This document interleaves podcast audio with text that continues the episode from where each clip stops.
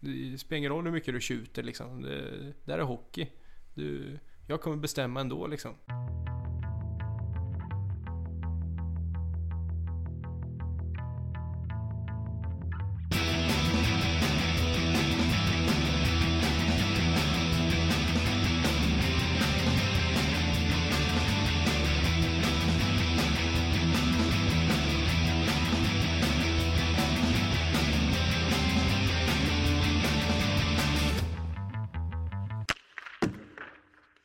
Och välkomna till ett nytt avsnitt av podcasten Mjörnbergs Trash Talk med mig som heter Micke Mjörnberg. I dagens avsnitt ger vi oss in på att granska sporten ur ett domarperspektiv. Eh, jag åkte till Mjölby och där träffade jag domaren Sebastian Virta för att prata om just den här rollen som rättsskipare ute på isen. Det blev som ni snart kommer få höra ett samtal om att göra det för pengarna, skillnaden på kritik och förolämpningar, konkurrensen som råder inom domarkåren, det värsta Virta någonsin hört på en hockeyrink, att vara impopulär i Nybro och, och vara besatt av att grilla, bland väldigt mycket annat som ni snart kommer få höra. Vill ni komma i kontakt med mig så kikar ni lämpligast in på hemsidan mjornberg.se där ni även hittar nyheter, intervjuer och annat intressant i och kring Hockeyettan framförallt men även lite Hockeyallsvenskan. Eh, på Twitter heter jag att Mjornberg och eh, på Facebook är det Mjörnbergs Trash Talk ni ska söka upp om ni vill interagera eller ta del av saker. Och eh, förresten när jag ändå har er på tråden så om ni diggar den här podden glöm inte att betygsätta den i era poddappar så skulle jag bli fantastiskt glad. Men nu ett närgånget snack med en av dem som ska skipa rättvisa där ute på isen i vinter. Sebastian Virta, trevlig lyssning. Idag har jag hittat eh, hela vägen till den eh, östgötska metropolen Mjölby och eh, sitter i solgasset, har varit och käkat lunch på en golfbana här precis och har hittat en självutnämnd grillkung. Eh, Sebastian Virta, välkommen! Ja, det stämmer. Det stämmer. Tack så mycket. Eh, det här med grillar, hur kommer man överhuvudtaget in på det? Att man vill eh, sälja grillar? Ja du. Ja, för att ta en ja, ganska lång historia kort så jag jobbar jag i ett familjeföretag eh, och sen började jag starta en, e-handel därigenom. Och pluggade samtidigt som jag startade en e-handel. Ehm, och sen märkte jag att det gick att sälja grillar på nätet. Och då startade jag en till e-handel. För från ljudbutiken.com kanske man inte generellt vill köpa grill. Nej, det känns som att man vill köpa sladdar eller högtalare. Ja, jo. Men eh, från grillkung.se Där kan man köpa en jävla massa grillar. Och så har det blivit större och större och Tredje året nu och Ja, det tar upp en stor del av mitt liv. Jag drömmer om grillar. Eh, ja, en stor del av mitt liv. Hur många eh, dagar varje sommar grillar du? Ja, det är många alltså. Det, I mån av tid så grillar jag i stort sett varje dag. Det, är- det är ett gemensamt intresse för mig och min sambo just att laga mat och, och käka bra mat liksom. Bra råvaror. Och, ja. Är du som eh, Fredde i Solsidan där att du vaknar svettig mitt i natten och känner att fan jag har bra, bra glöd, jag måste ut och, och grilla? ja, jag tror fan jag är värre. Det, Du grillar till frukost alltså. ja, det kan jag göra. Inga problem. Men jag sitter ju inte här idag just för att prata om grillar kanske, utan snarare för att du är domare och har dömt Hockeyettan i fyra säsonger. Det Eh, stämmer, tror att det det stämmer. är. Vet spelarna om att du är grillkung?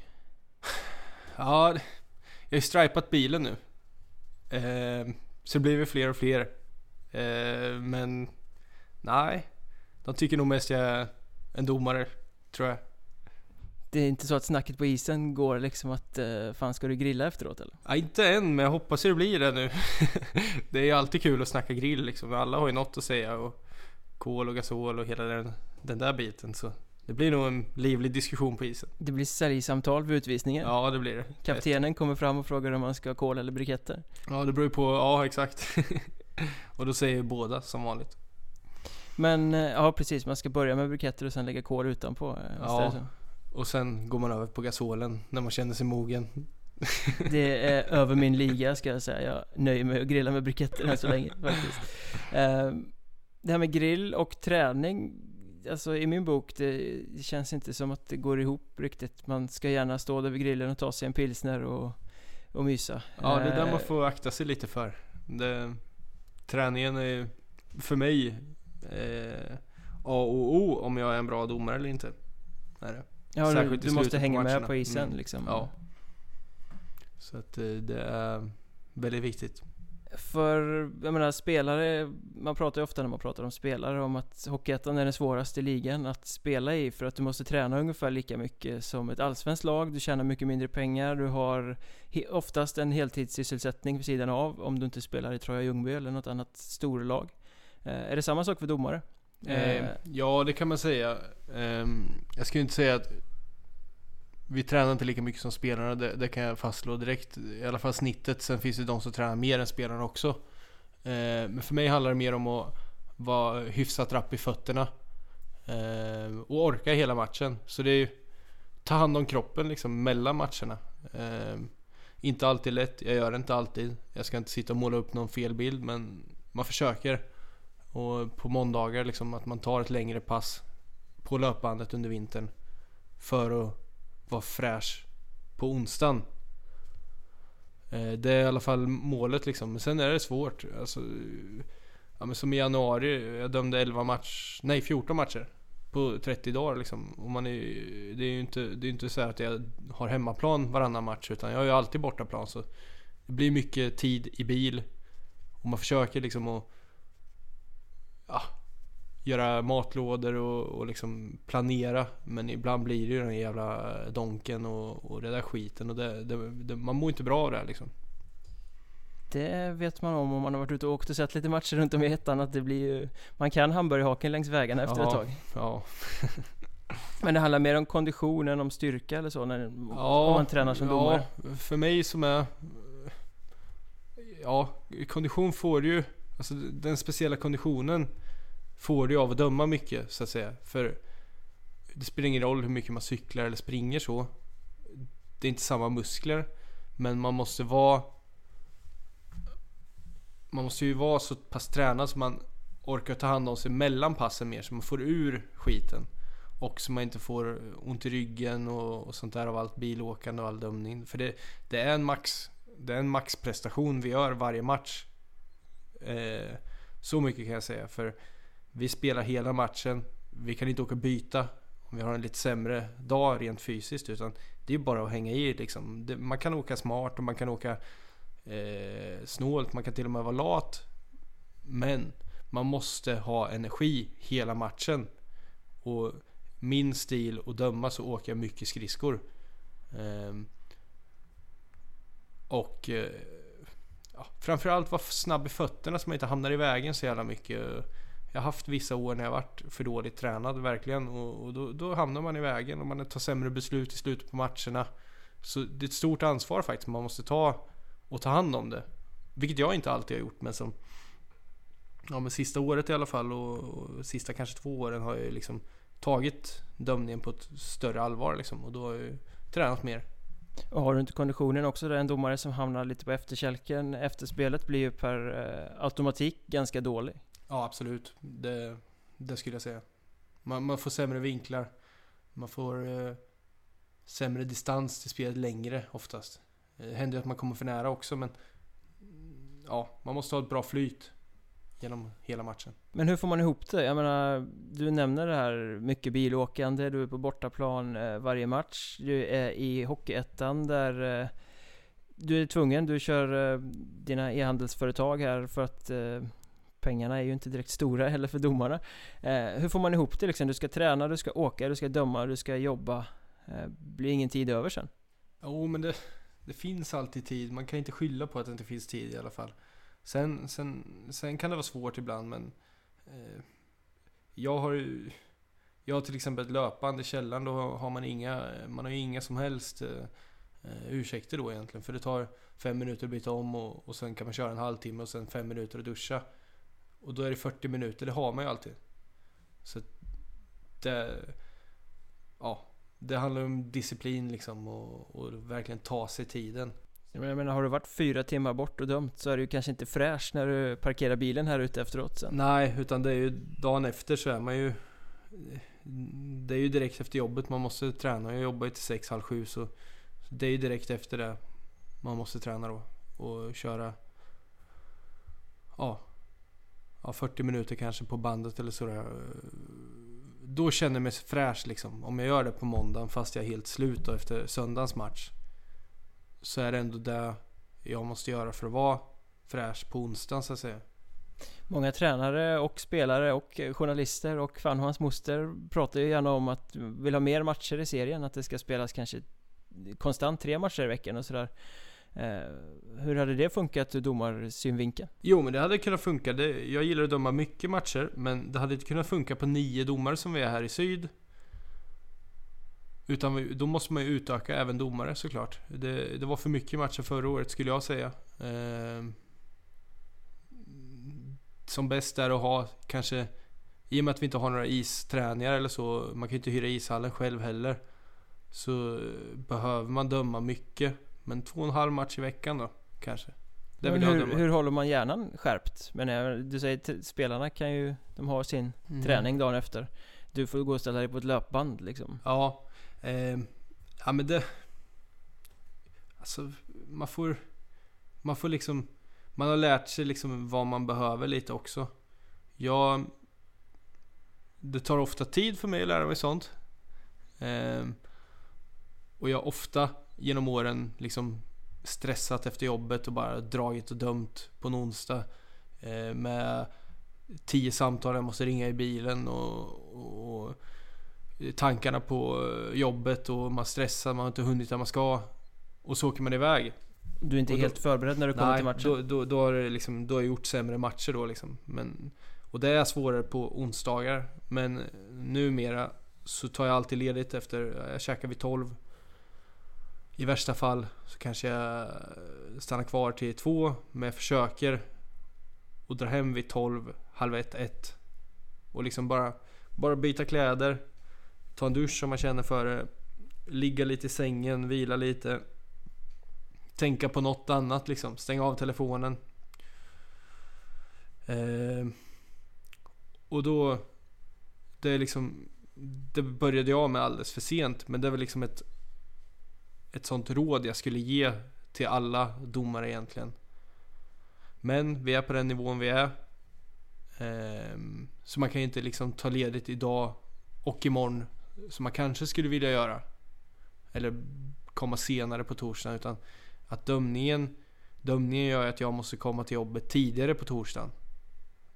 Och det är ju... Det är klart man är trött på torsdagen då. Men eh, det är den verkligheten det är liksom. Det, det är bara att gilla läget. Ja. Exakt. Men du, säger, du har ju dömt ganska länge. Det måste ju vara tio år eh, där någonstans. Ja. Eh, fyra år i Hockeyettan som vi sa innan. Det var du började i trean och kom upp ja. genom tvåan. Eh, känner du att du utvecklas? Absolut. Det, jag kommer ju helt klart från mitt bästa år. Det tror jag, det tror jag många som, har som jag har dömt genom åren också eh, kan hålla med om. Och, och även så vad jag fick döma för matcher, vad, vad linjemännen har tyckt, vad jag själv har tyckt. Så, så gör jag det. Och absolut, man utvecklas som fasen och jag har faktiskt dömt i 15 år. Och gjort ganska mycket hundår på vägen. Jag har dömt mer U16 matcher till exempel än vad jag tror de flesta har gjort. Och mm, jag egentligen, jag har väl säkert dömt 700-800 matcher och man lär sig alltid något.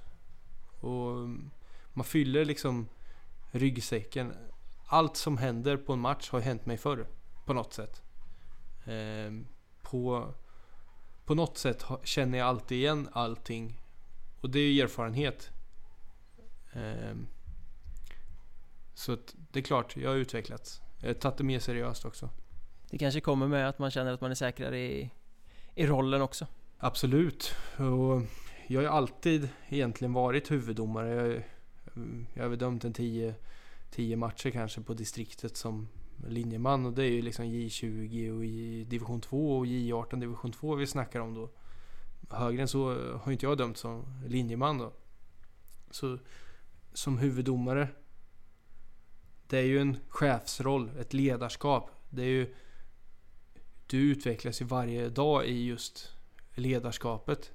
Det utvecklar mig även i min arbetsroll. eller i min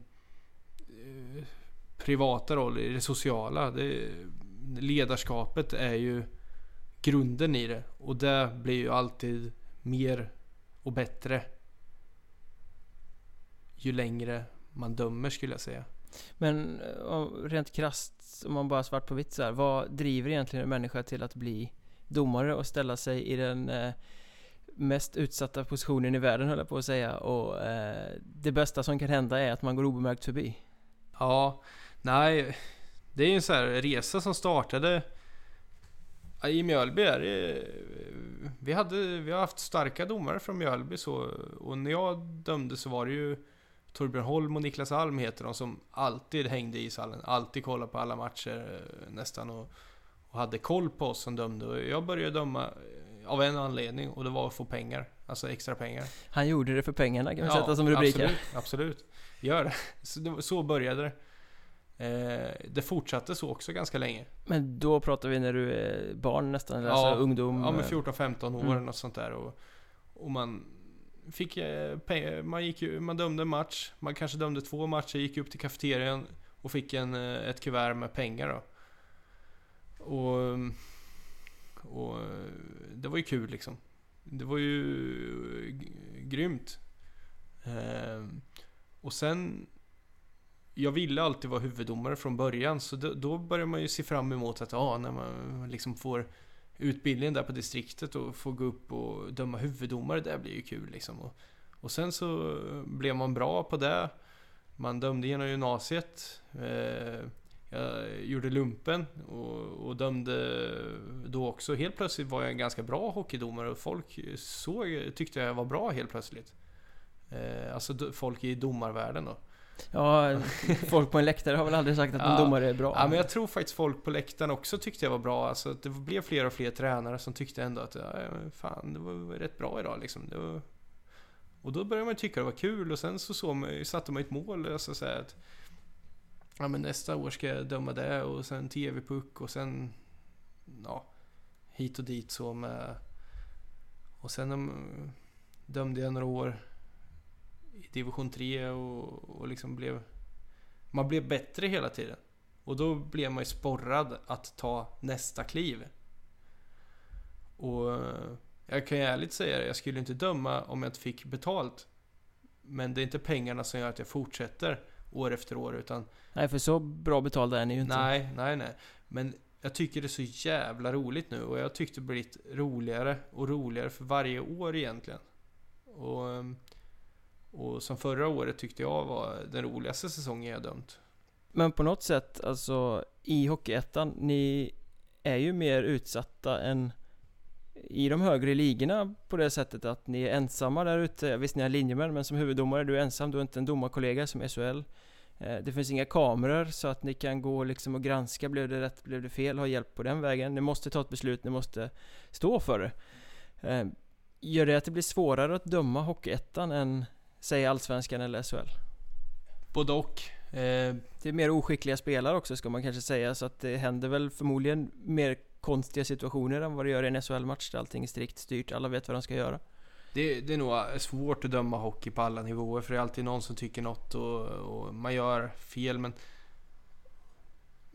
det svåraste kan jag säga det var att som 19-20-åring döma division 3 med 30-åringar och liksom orka med det man fick utstå där. Och då är resten inga problem skulle jag säga. För där fick jag min, alltså ska man säga hårdhet liksom? Jag vet inte, man blev rätt hård. Alltså, Skinn på näsan, hårdhudad ja, liksom? Ja. Alltså... Där var det ensamt. Där är ju linjemän, där har man ingen hjälp av linjemän heller på samma sätt. För de är ju inte så bra som är där och, och jag var inte så bra och spelarna var inte så bra. Och på ettanivå så är ändå dom... Spelarna vet att de är ganska bra. De vet att de spelar på en ganska bra nivå. Och de vet att domarna är ganska bra. Är min uppfattning. Sen att vi inte har någon hjälp av kameror och sånt, nej så är det ju. Men... Kan inte det vara en, en positiv sak? Det kan jag känna ibland. Jo, att, man, att man måste liksom våga tro på sin eh, initiala känsla. Ja. Att, att eh, för framförallt i SHL så kan jag få känslan av att domarna vågar inte ta ett eget beslut. Utan även om det är såklart så går de och kollar i alla fall bara för att de kan. Ja, och sen tror jag det har lite med eh, ledarskapet som har varit där. Det har varit luddigt liksom. Jag tror det har varit luddigt för domarna i SHL att hur ska vi använda det här den här tekniken och varför ska vi använda den framförallt? Och syftet är ju att det såklart ska bli rätt. Och det blir det ju säkert oftast liksom med ett mål om den är över linjen eller inte och sådär. Det är ju skitbra. Men det får inte fördröja spelet. Alltså det är ändå publiken som betalar spelarna, som betalar domarna. Det måste ju fortfarande bli intressant och då måste man göra det i rätt lägen. Du kan inte hålla på och ta bort det intressanta, ta bort flytet. Hålla på och kolla för mycket, hålla på och kolla för lite, alltså sådär. Fördröja spelet, det är aldrig bra liksom. Utan jag har ingen lösning för problemet som de har haft direkt. Men jag tror att det handlar om att det ska vara tydligt att spelare ska veta vad som kommer granskas. Det vet de säkert. Domare ska veta. Och jag vet inte hur det funkar för jag är inte där själv. Men som utomstående så så har det kanske inte kommunikationen varit så pass bra som det skulle kunna vara. Och då skulle det vara lättare för domarna om alla bara visste exakt vad som gäller. Spelarna vet det, publiken vet det, experten i Simor vet det.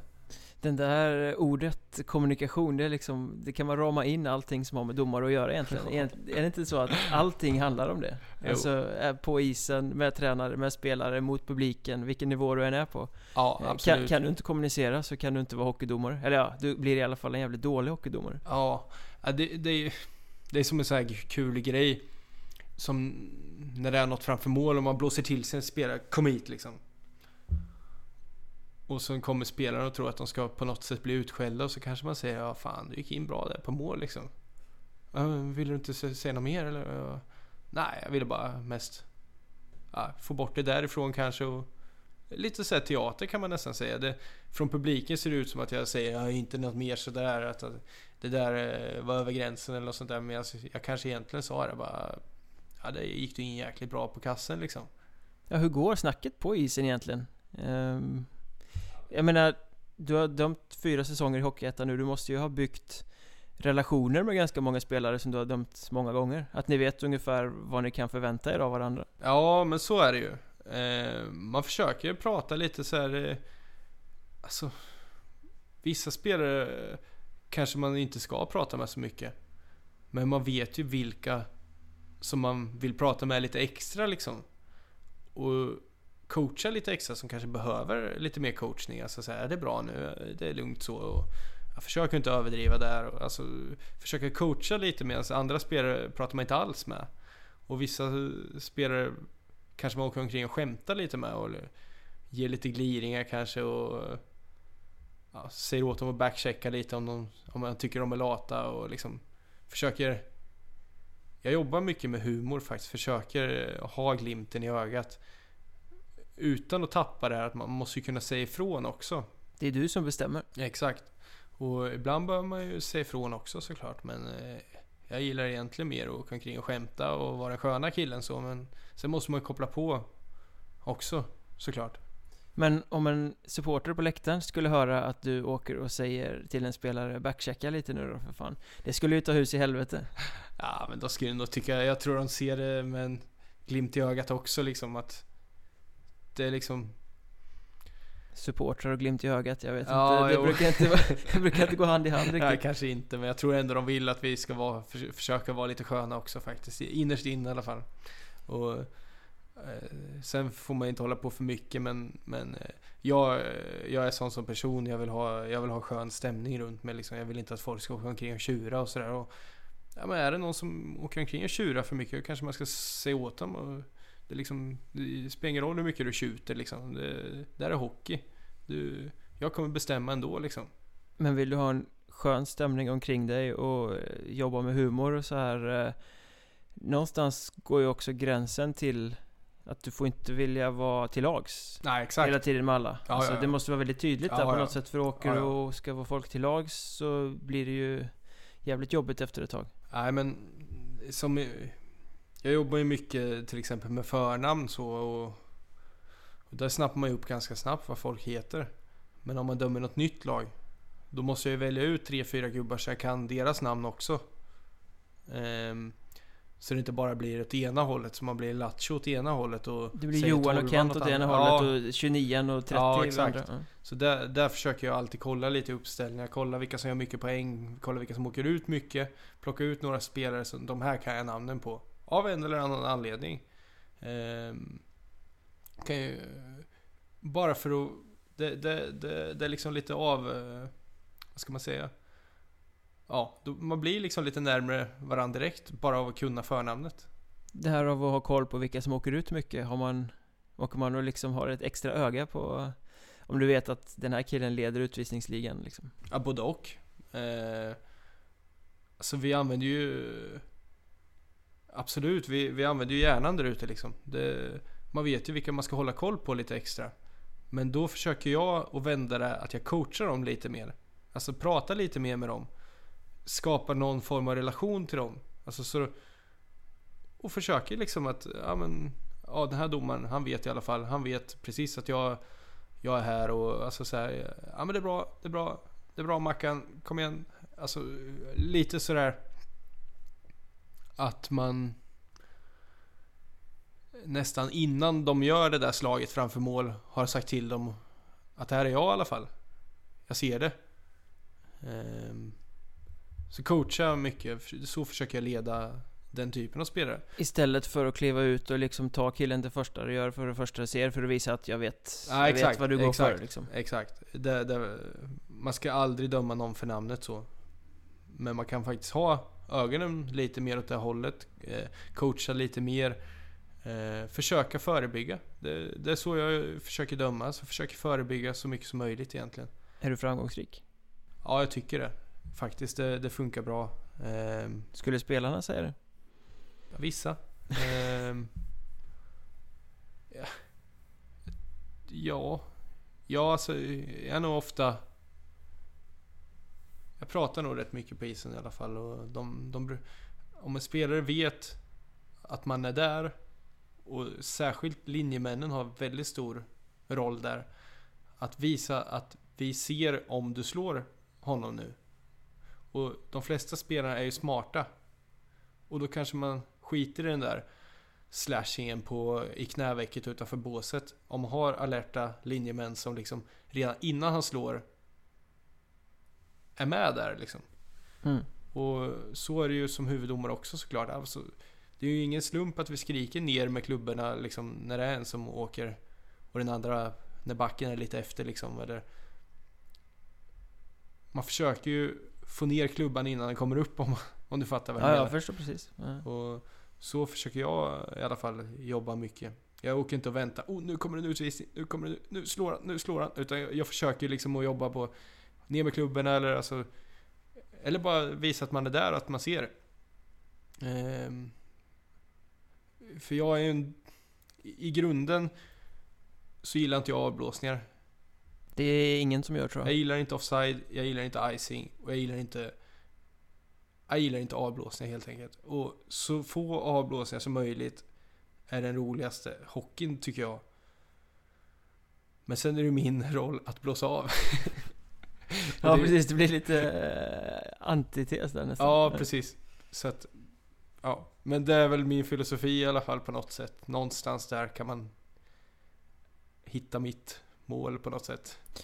Om vi backar lite till där vi var för kanske 10 minuter sedan vad gäller målkameror och sådär Har du någon gång hamnat i en situation i någon match någonstans där du känner att fan, nu hade det varit skönt att ha en kamera här? Ja, det har jag. Ja, verkligen. Eh, man har haft lite mardrömsmatcher genom åren och... Eh, ja, det var någon match där i... I eh, Nybro bland annat som... Nej, det var ju mardrömsmatch från start. Eh, och sen var det ett... Jag såg en fladder från blå. Tappade någonstans i luften. Hörde hur det plonkade till någonstans. Och det var ju jag trodde det var i ribban.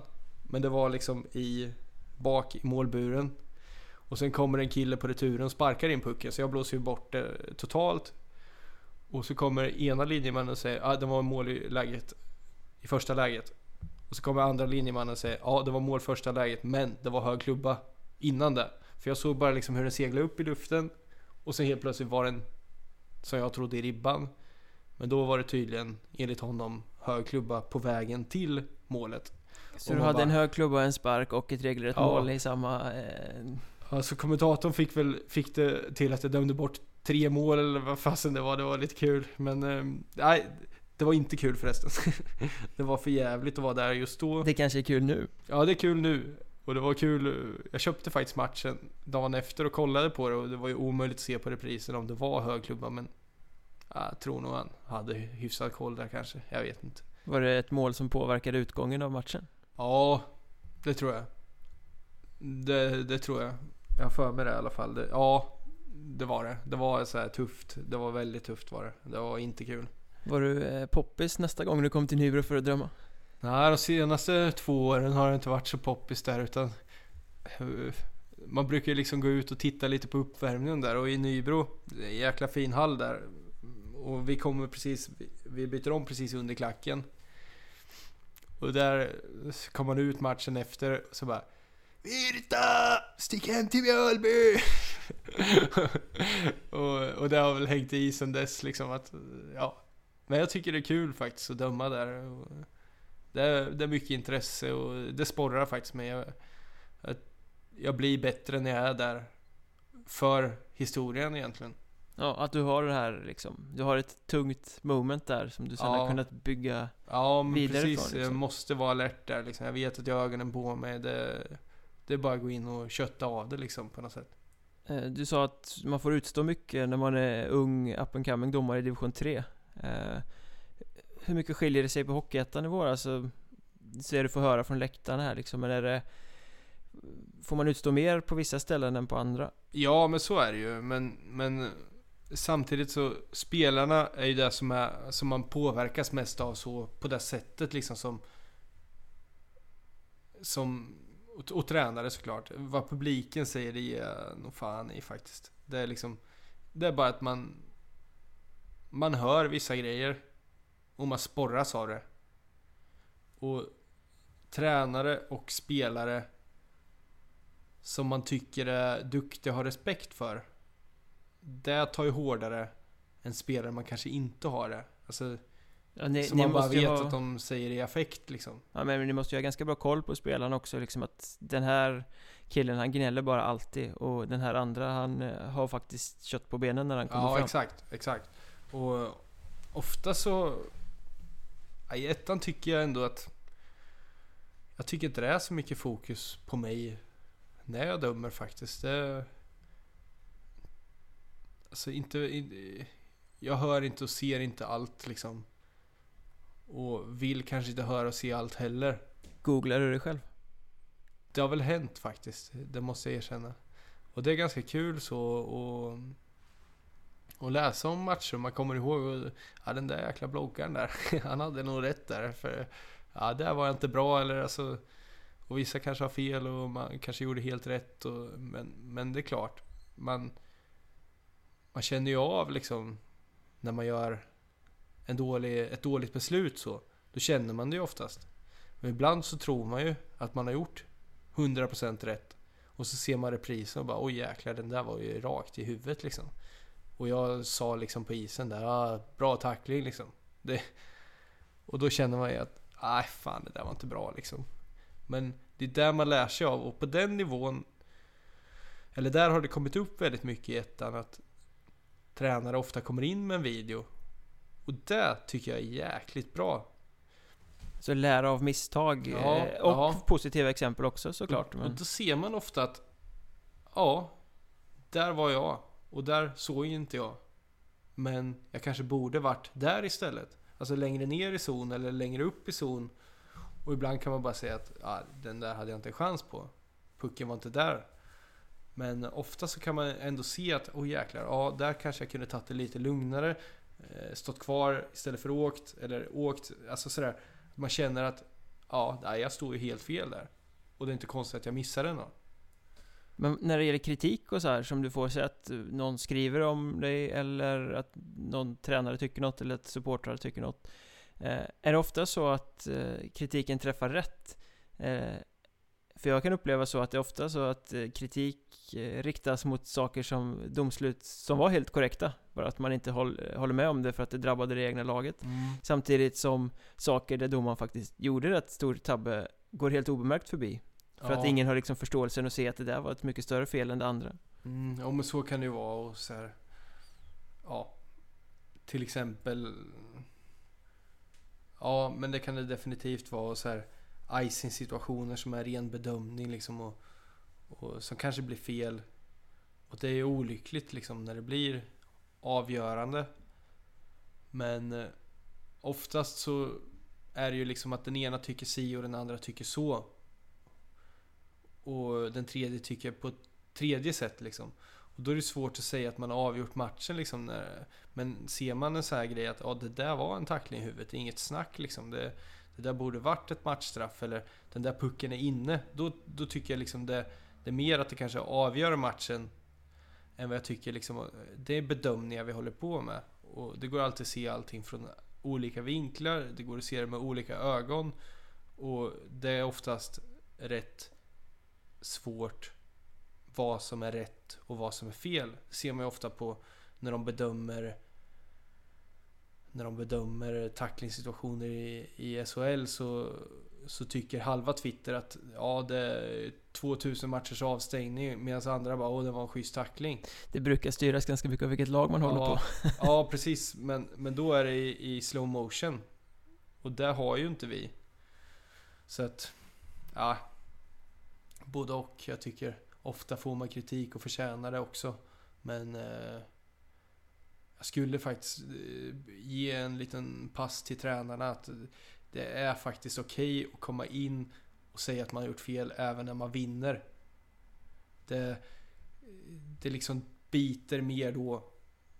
Nu, nu är det ofta så att tränare förlorar med 3-2 och då är det vårt fel. Men när de vinner med 3-2 då, då skulle det vara mer att komma in och säga ah, vad tyckte du om den här tacklingen liksom? Hur såg du på den?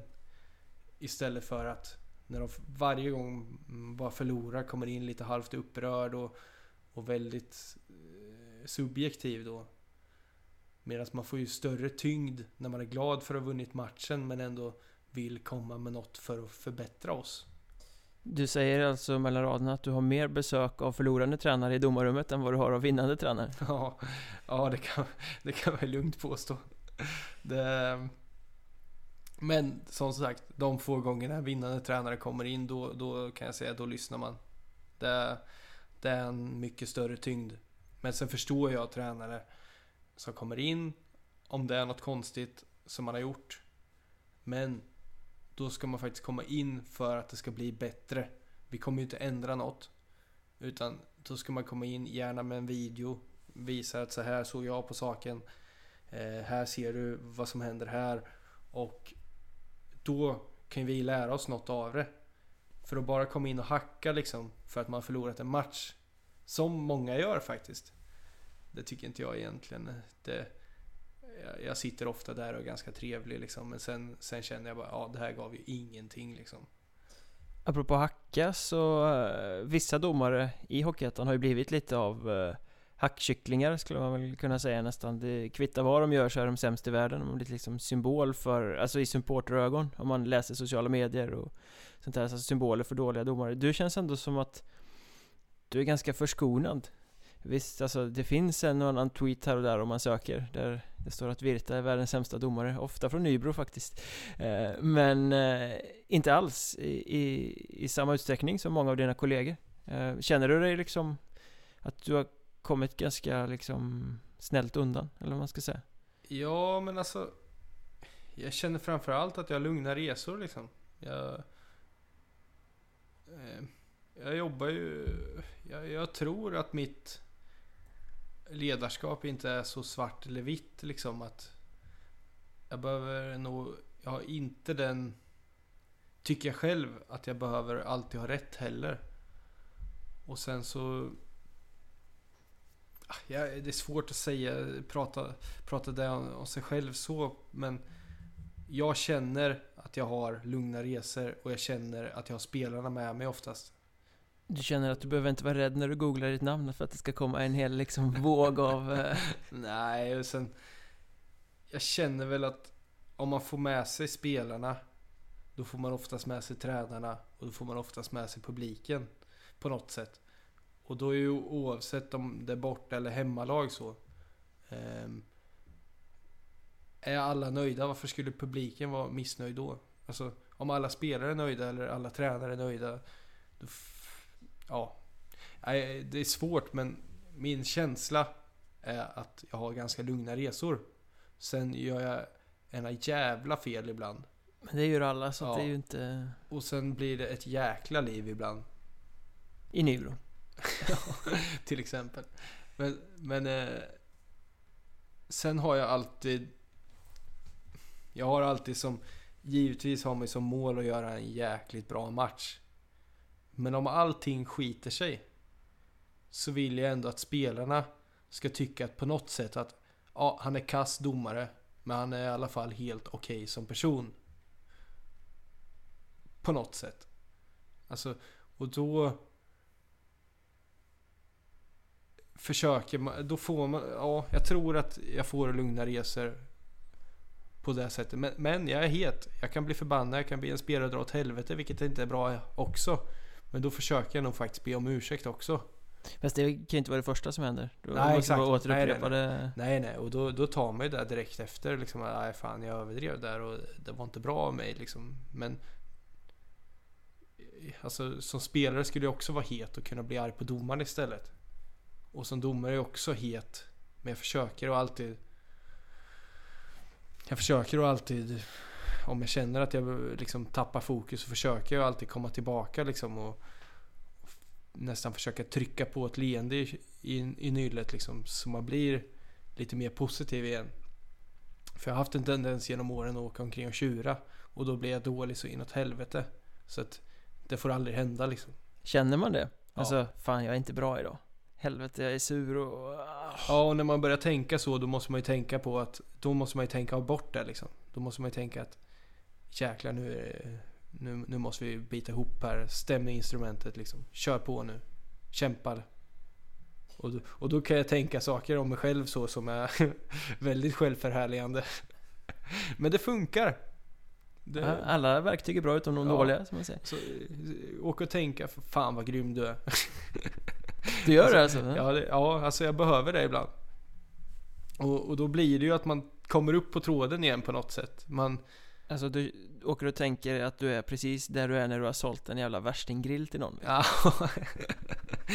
kanske Nej, men det är mer så att Kom igen nu, du är bättre än så här liksom Fan kom igen nu Kämpa liksom alltså, Så man kommer upp på tråden igen så man Du kan liksom till och med tänka för om, om du har så här att, ah, fasen jag missade den där höga klubban och det är blod på hela isen och helvete och det, alltså då kan du inte åka och leta efter en hög klubba åt andra hållet liksom.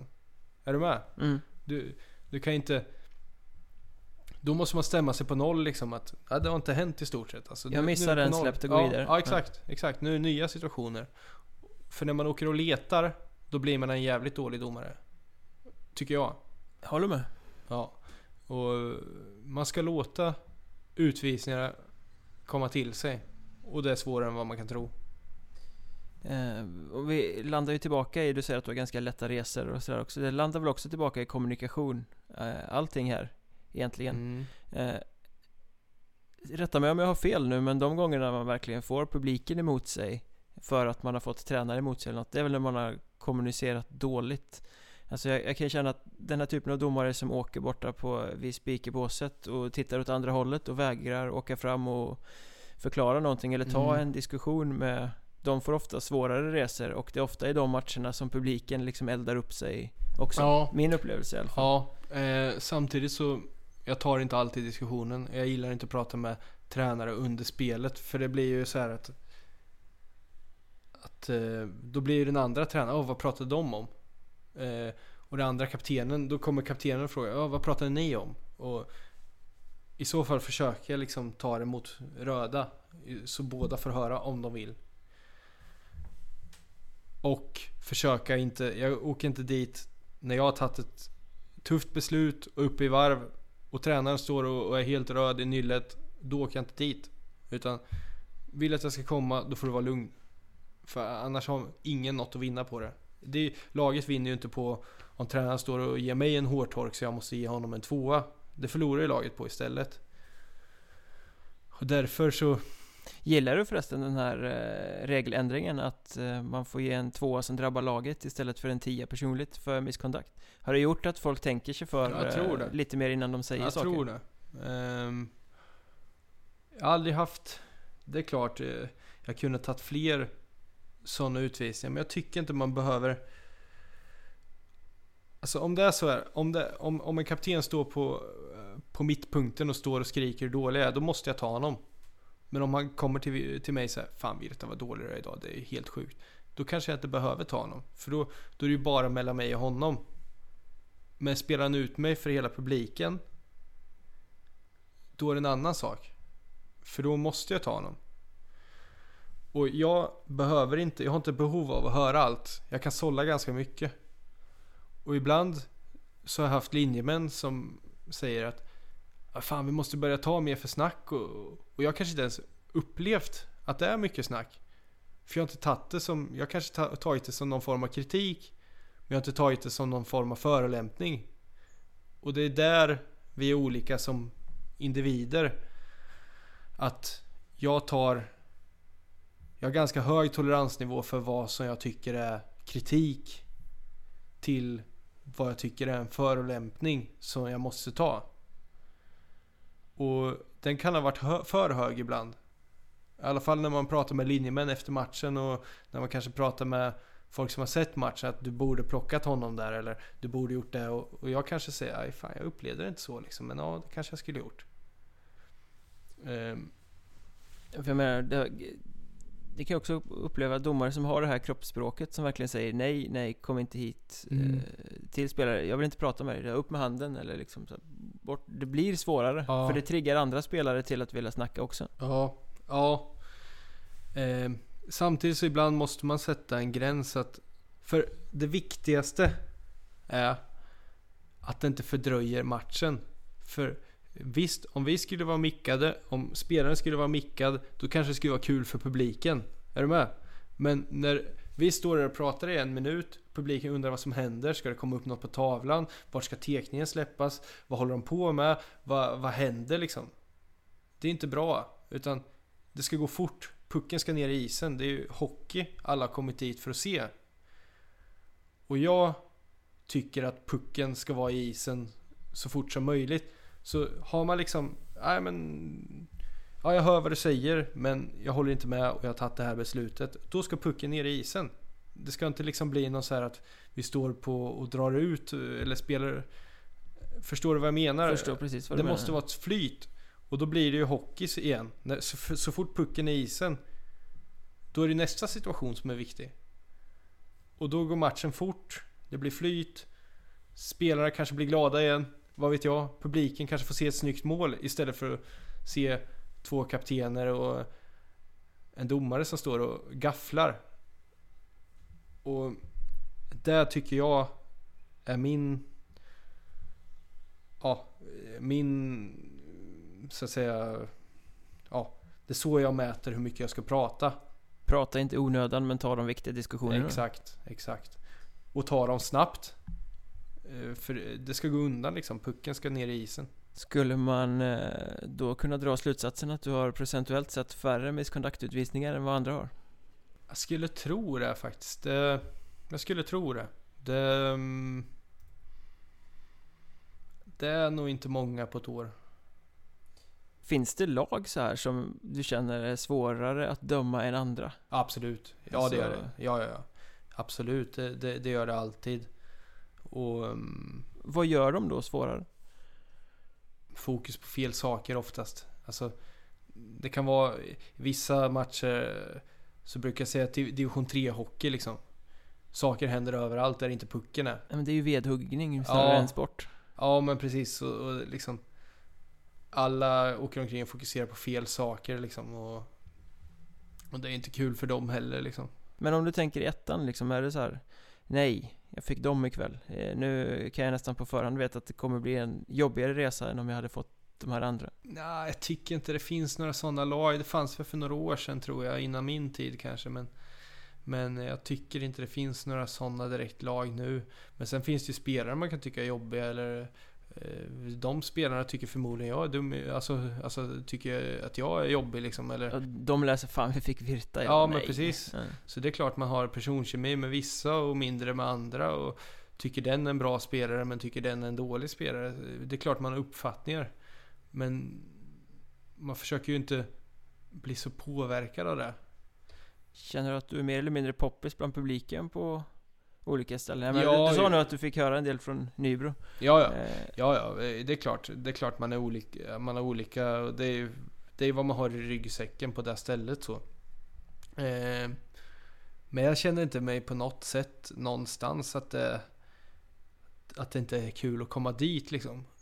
nej, kan man inte rent av bli taggad av att få en publik emot sig? Jo, jo absolut. Eh, det kan, jag, jag kan bli det. det. Det är väl något sjukt inom mig som, som gör att jag liksom går igång på det. Men, eh, men så är det. Det är klart man blir taggad. Man, man känner liksom pressen lite så att fan jag måste prestera nu liksom. Jag måste vara bra. Och det gör att man blir lite nervös och sen så här, man blir taggad liksom och alert, hungrig. Alltså Men hur mycket hörs ner på isen? Nej, inte sådär. Det är inte... Man hör ju inte... eh, Det här buandet och sånt där. Det är klart man hör det, men det påverkar inte så mycket. Men däremot så har jag ett exempel så från en J18-match för några år sedan i, i, i HV. Där det är typ 20 pers och tittar. I Kinnarps? Nej, Eller i B-hallen? I någon av B-hallarna Ja. där. Det är som, ett, som en balkong rakt ovanför sarghörnet kan man säga. Med glasräcke. Och man liksom... När det är så lite folk där och någon säger något så här sjukt förolämpande. Jag kommer inte ihåg vad man sa. Men då bara, då bara kände jag hur det gick rakt in i kroppen på något sätt.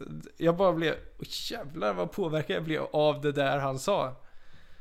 Eh, men om hela publiken står och skriker domarjävel eller så, det påverkar mig inte så mycket. Jag hör det alltså. Det är klart jag hör det.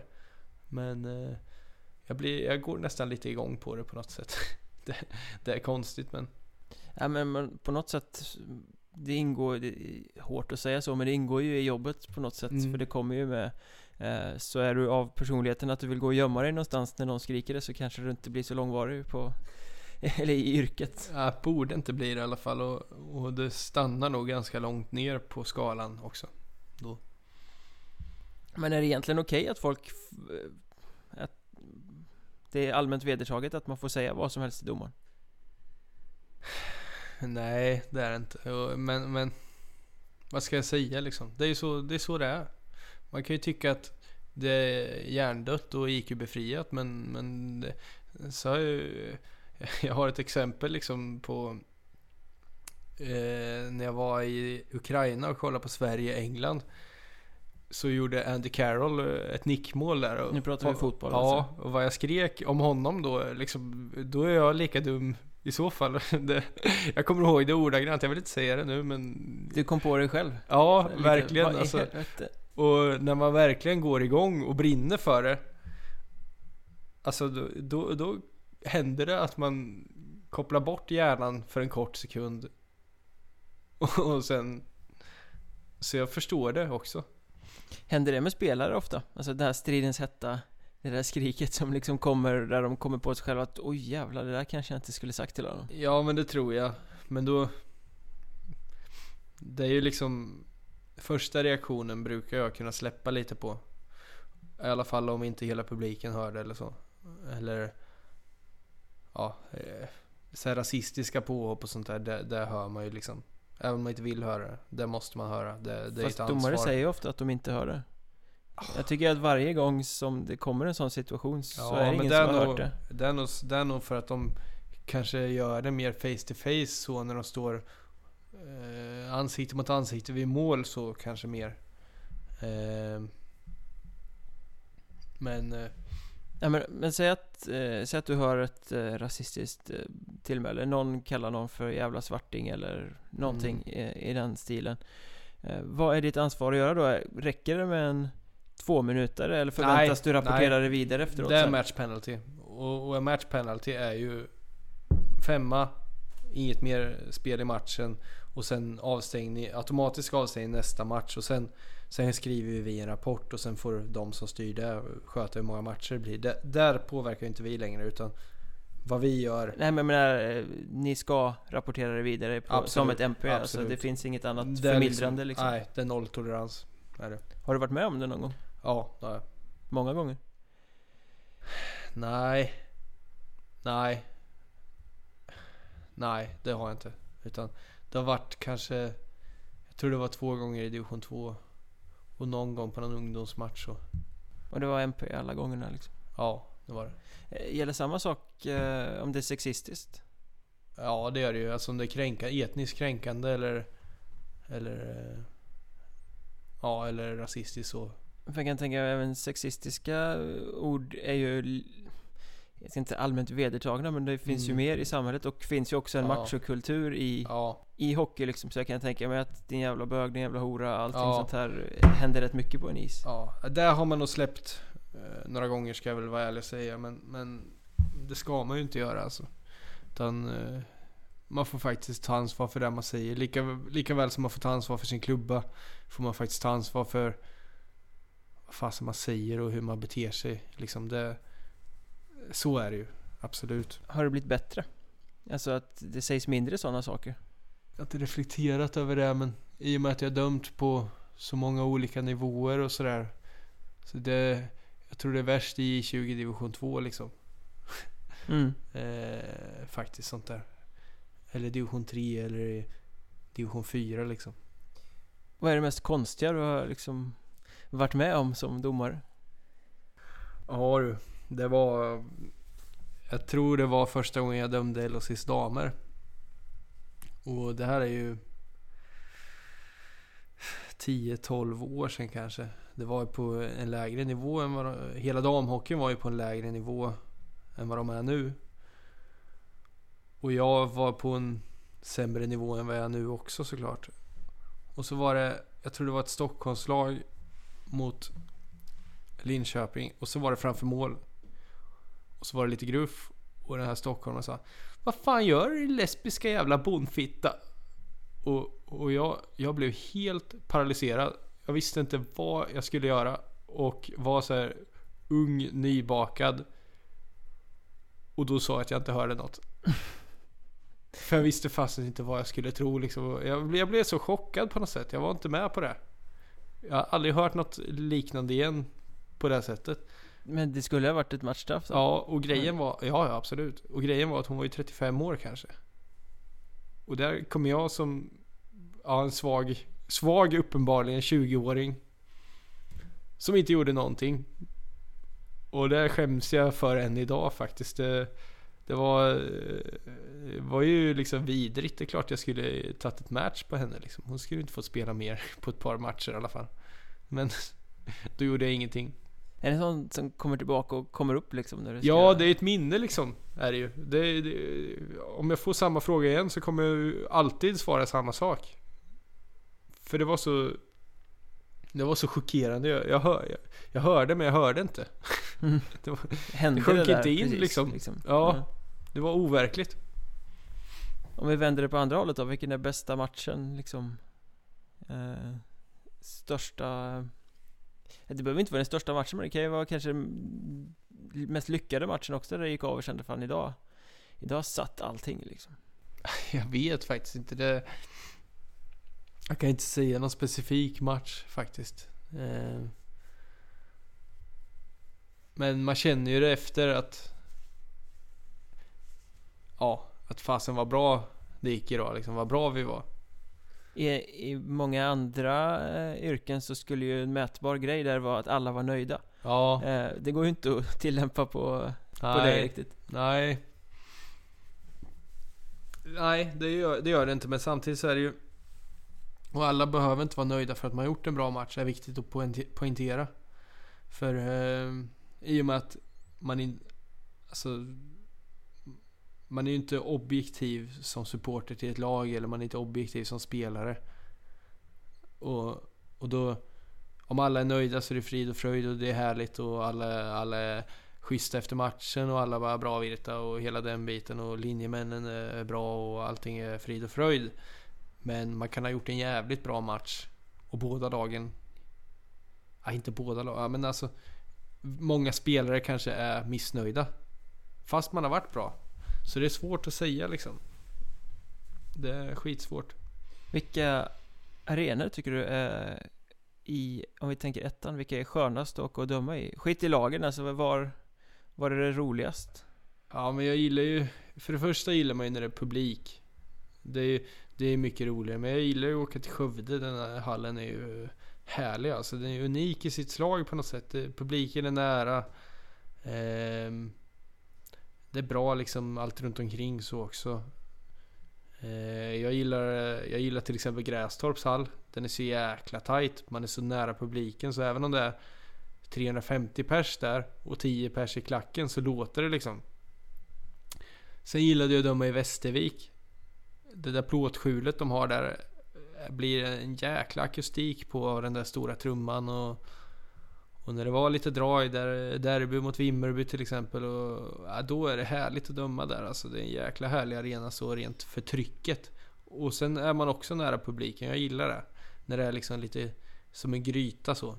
Går inte den här jävla tutan dig på nerverna som de har där? Jo, fast... Nej, jag kan inte säga det. Jag hör den. Jag hatar det. ja, jag förstår det. Men... eh, Nej, nej jag, tutan har jag inte reflekterat så mycket över. Men jag gillar de här små hallarna som det ändå är mycket folk i. Ehm, man får ju säga Nybros hall är ju fantastiskt härlig. Alltså, det är ju en elitserie, eller en SHL-hall i litet format. Ja, den är häftig tycker jag. Och just med klacken där och, och man går ut precis vid klacken och... Ja, ja, den tycker jag är härlig. Och sen är Trojas väldigt fin. Det är klart man måste lyfta fram de som har satsat. Eh, det är kul att komma till fräscha ställen. Men... Eh, Vad är baksidan då? Var, eh, när du får det här brevet med du ska döma de här matcherna i januari och du ser liksom där fram den 19 någonstans pengarna har börjat ta slut eh, Det är långt bort och du bara nej, nej ska jag åka dit? Nej, det är väl inte så. Jag kan inte säga att jag har några sådana arenor. Det är ju ibland så här att man skulle kunna tycka, man skulle vilja dra Mariestad och Skövde till andra sidan Vättern. Typ. Mer så. Att man känner. Jag, jag har ingen direkt hall som jag inte tycker om eller så egentligen. Utan ja, jag lyfter hellre fram dem jag tycker är lite här, extra härliga att döma i. Vart är jobbigast att åka då? Jag menar det finns ju många ställen som ligger där Gud glömde liksom vid vägs Ja. ände Ja, jag tycker ju Nybro är rätt dålig väg för mig. Men sen är det kul att komma dit liksom. Det är blir hemvägen sen som är jobbig liksom. Ja, precis. Mycket djur också. Eh, sen så Grästorp är också rätt lång väg och ja, lite halvrisig väg också. Så här. Det, det snöar alltid när jag ska till Grästorp. Ehm, ja men det är väl egentligen, vart dömer jag mer? Jag, ja det är ju Karlskrona i år, matchstart klockan 11 en söndag. Det var jag inte så supernöjd med liksom. Ehm, inte tjejen heller. Eh, för den delen. Men det är bara att åka dit. Man får gilla läget liksom Exakt. Hur många matcher gör du på ett år ungefär? Jag har inte räknat än men någonstans mellan 65 och 70 tror jag landade på i år. Och Det är betydligt fler än vad spelarna gör ja, men vi har ju inte träningar heller. Så vi måste döma fler matcher. Och så dömer vi fler serier då. Jag dömer Ja, ju... J20, dam och Hockeyettan har du va? Ja, och J, J18 Allsvenskan också efter jul då. Men det, det var inte så mycket i år. Ehm, faktiskt. Men då, eh, det kan väl också vara en liten omställning där att ena dagen dömer du damer, nästa dömer du juniorer Sen är det topplag i Hockeyettan alltså, Ja. Nej men man vänjer sig faktiskt. Det, det kan vara svårt i början så. Om man har dömt damer till exempel som är där som går överlägset långsammast. Och så har man ett toppmöte i ettan dagen efter. Då känner man ju sig... Eller ännu värre, toppmöte J20, topp 10 till exempel dagen efter. Då känner man ju sig som att man är mitt inne i stormens öga liksom. Det bara spelar överallt och, och pucken är där och jag är här och alltså så här. Men det tar fem minuter sen är man inne i det. Gör man. Eh, man kommer in i det. Så att jag skulle säga att man har blivit bättre på det. Och... Men det är, det är faktiskt svårt där. Det är, det är en jäkla skillnad att döma i 18 eh, på lördagen och sen ta en etta på söndagen så. Det, Men är det hierarki mellan de här serierna? För det är ju så här förbundsdomargrupp typ som dömer de här serierna. Ehm, finns det någon hierarki i vad som är finast, är väl fel ord, men liksom att döma? om du frågar en domare så vill alla döma ettan eh, första hand. Sen är det väl superelit och sen dam skulle jag säga. Det är ju mer publik i ettan. Fler som bryr sig. Ehm, skulle det liksom vara lika mycket publik på en superelit eller en dam så tror jag folk skulle tycka det var ja, men lika roligt så. Ni är precis som spelarna, ni vill spela inför så mycket folk som möjligt. Exakt. Och allt det där runt omkring så här, Att någon ens vet att vi är på plats. Att, att någon ens säger till att ja men vi har bytt hall till den där hallen. När man kommer till en större klubb utan att nämna någon liksom. Så går man ut till hallen och, och så ser man ju det att ja men där är ju, det är inte vårt lag som vi ska döma liksom. Det, som värmer upp här och vart fasen ska vi? Ska vi flytta nu liksom? Eller vart ska vi? Eh, sånt är det ju mer på, inte så mycket i J20 i och för sig men i alla fall J18 har, har jag även upplevt i, dam också i SDHL så att, att de bytt hall och inte meddelar oss och bytt starttid utan att meddela oss. Det och finns ingen där. organisation runt liksom. Nej exakt och det, det är ju tråkigt framförallt alltså, för oss. Det är ju, ja, ingen kan ju starta matchen först vi är där ändå. Så, att, eh, men för spelarna liksom. Att det håller på Så får de ut tre domare som skulle varit skulle startat en match vid sju och förberett sig för det och, och så får avbryta uppvärmningen och gå ut halv sju helt plötsligt. Det påverkar ju såklart eh, våran insats. Och där har de väl lite att jobba på kan man ju lugnt säga. Mm. Men du säger att det är lite hierarki mellan serierna och sådär också. Från eh, publikhåll och så, så vill man ju gärna tro att eh, alla domare håller varandra om ryggen. Det är så det kan framstå ibland att man eh, försvarar varandra och sådär. Men samtidigt så, det måste ju vara en ganska stor konkurrens er emellan. Ja, Även om ni är en skön grupp liksom, för ni slåss ju ändå om att få Mm. de här matcherna eh, Ja, som alla vill absolut. döma. Och eh, det är jättetuff konkurrens och det, det är klart som, som i ett lag så, vill, så har man ju god sammanhållning i, i, vill man ju ha. Och det har vi också för vi är ett lag. Men det är konkurrens om platserna i det laget. Såklart. Så det är inte så jäkla olikt mot vad det är i ett lag egentligen. Och de bästa domarna går generellt sett upp. Och det jag ska säga om det, det är att utan att ha någon poängliga för domare, utan att ha något att mäta, utan att ha någon statistik, så skulle jag säga att de bästa alltid, det är alltid den bästa som går upp. Det är så. Ja, jag tycker det. De har så pass koll de som eh, Ja, jag skulle säga det. Men det är ett ganska Ehm. trögt system, det går ganska långsamt. Ja, det, det fungerar sämre i den andra ändan. Alltså vilka som går ner och så, det, men, tror jag. Händer det ens att domare flyttas ner? Det är väl väldigt Ja det gör sällan? det. Ja, det, gör det. det har hänt i år också. Och det har hänt ganska... eh, Under de senaste åren i, i sydettan har många rykt så. Faktiskt. Ofrivilligt. För att, vad är det man faller på då? Är det regelprovet eller är det fysiken? Eller Ja, det- eller det kan vara fysiken, Man har gjort så- för dåliga matcher? Ja, det kan vara fysiken. Du måste kunna springa 3 km under 13 minuter. Annars får du inte döma. Och det är stenhårt. Det är liksom ingen som kommer emellan. Även om du heter det ena eller det andra och är... Alltså, så är det. Du kommer inte igenom systemet då. Ehm, och sen, sen så är det ju en samlad bedömning på något sätt. Och hur den bedömningen görs, det är inte jag rätt person att svara på. Ni vet inte riktigt vilka kriterier ni ska leva upp till alltså? Jo, eller ja, nej, ja, nej. Det är svårt. Det är som en, Luddigt. Ja, jo men det är det. Och det är nog svårt för de som bestämmer också. Men det är ju så att som en spelare blir ju kanske inte en allsvensk spelare i ettan. Är du med på vad jag menar? Mm. Eh, du kan ösa in poäng i ettan och du kan förbereda dig bra för allsvenskan. Du kan göra 30 mål på en säsong. Men får du inte chansen i allsvenskan så tar du inte nästa steg liksom. Och så, så är det ju så är det ju med domare också.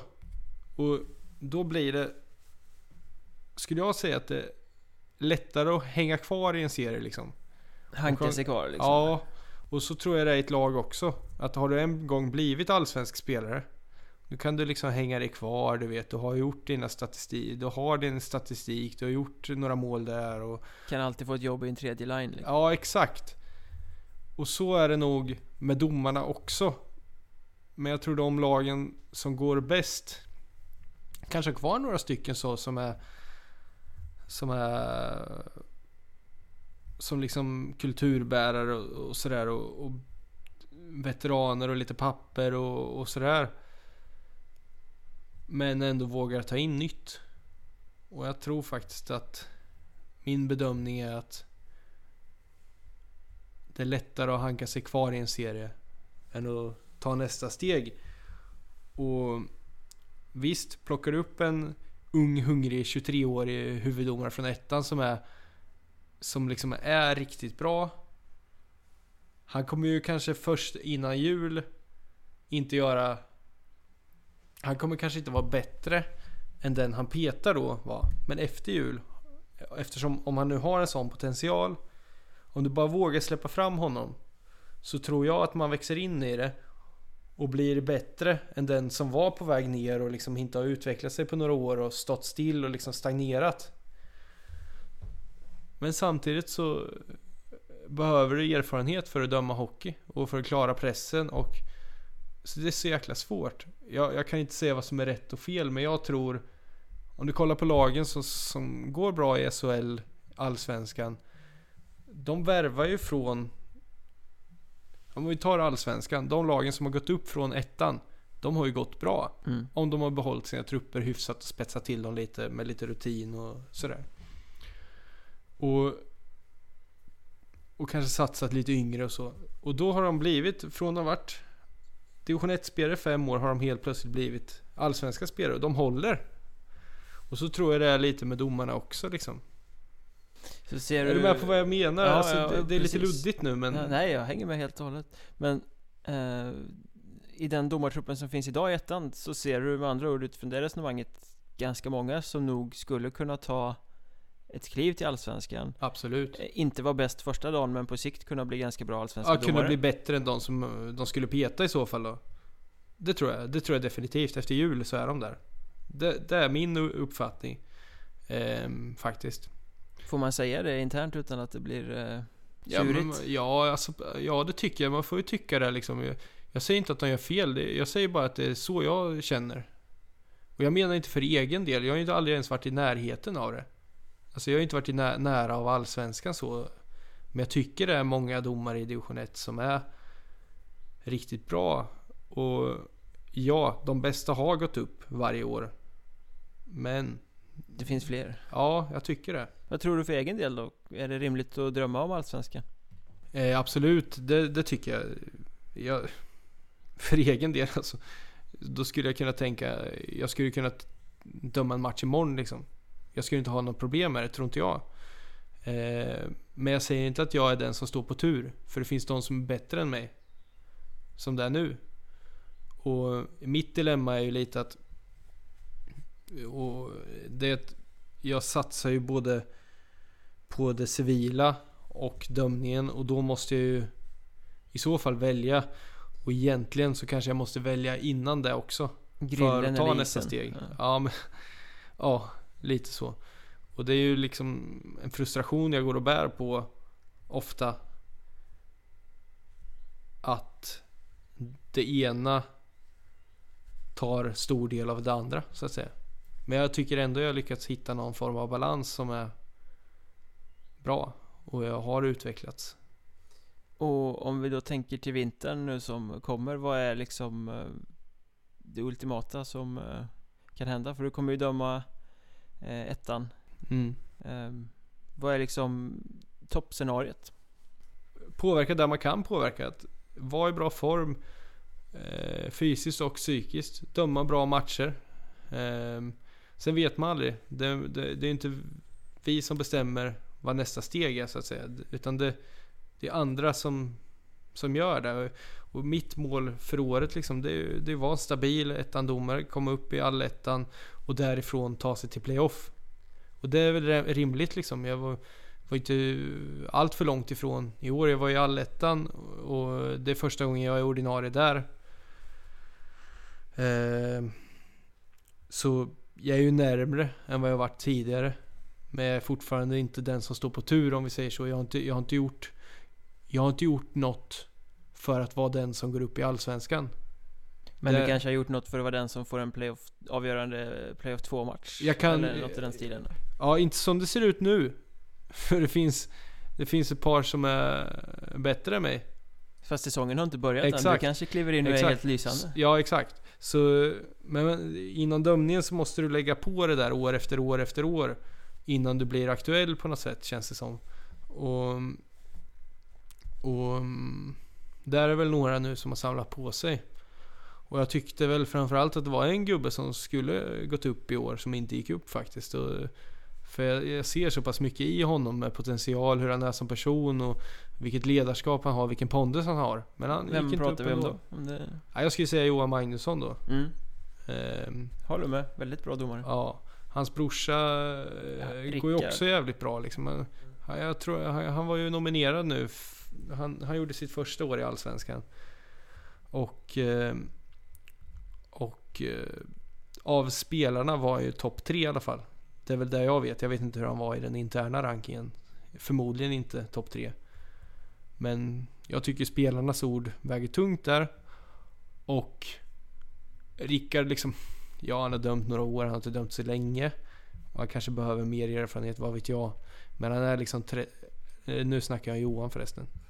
Eh, storebror där. Han är 32 år, har gjort 5-6 säsonger i Hockeyallsvenskan själv. Gjort 5-6 säsonger i ettan. Som spelare pratar Ja, nu. är det en chansning att plocka upp honom då? När han, han var den bästa här i syd som huvuddomare.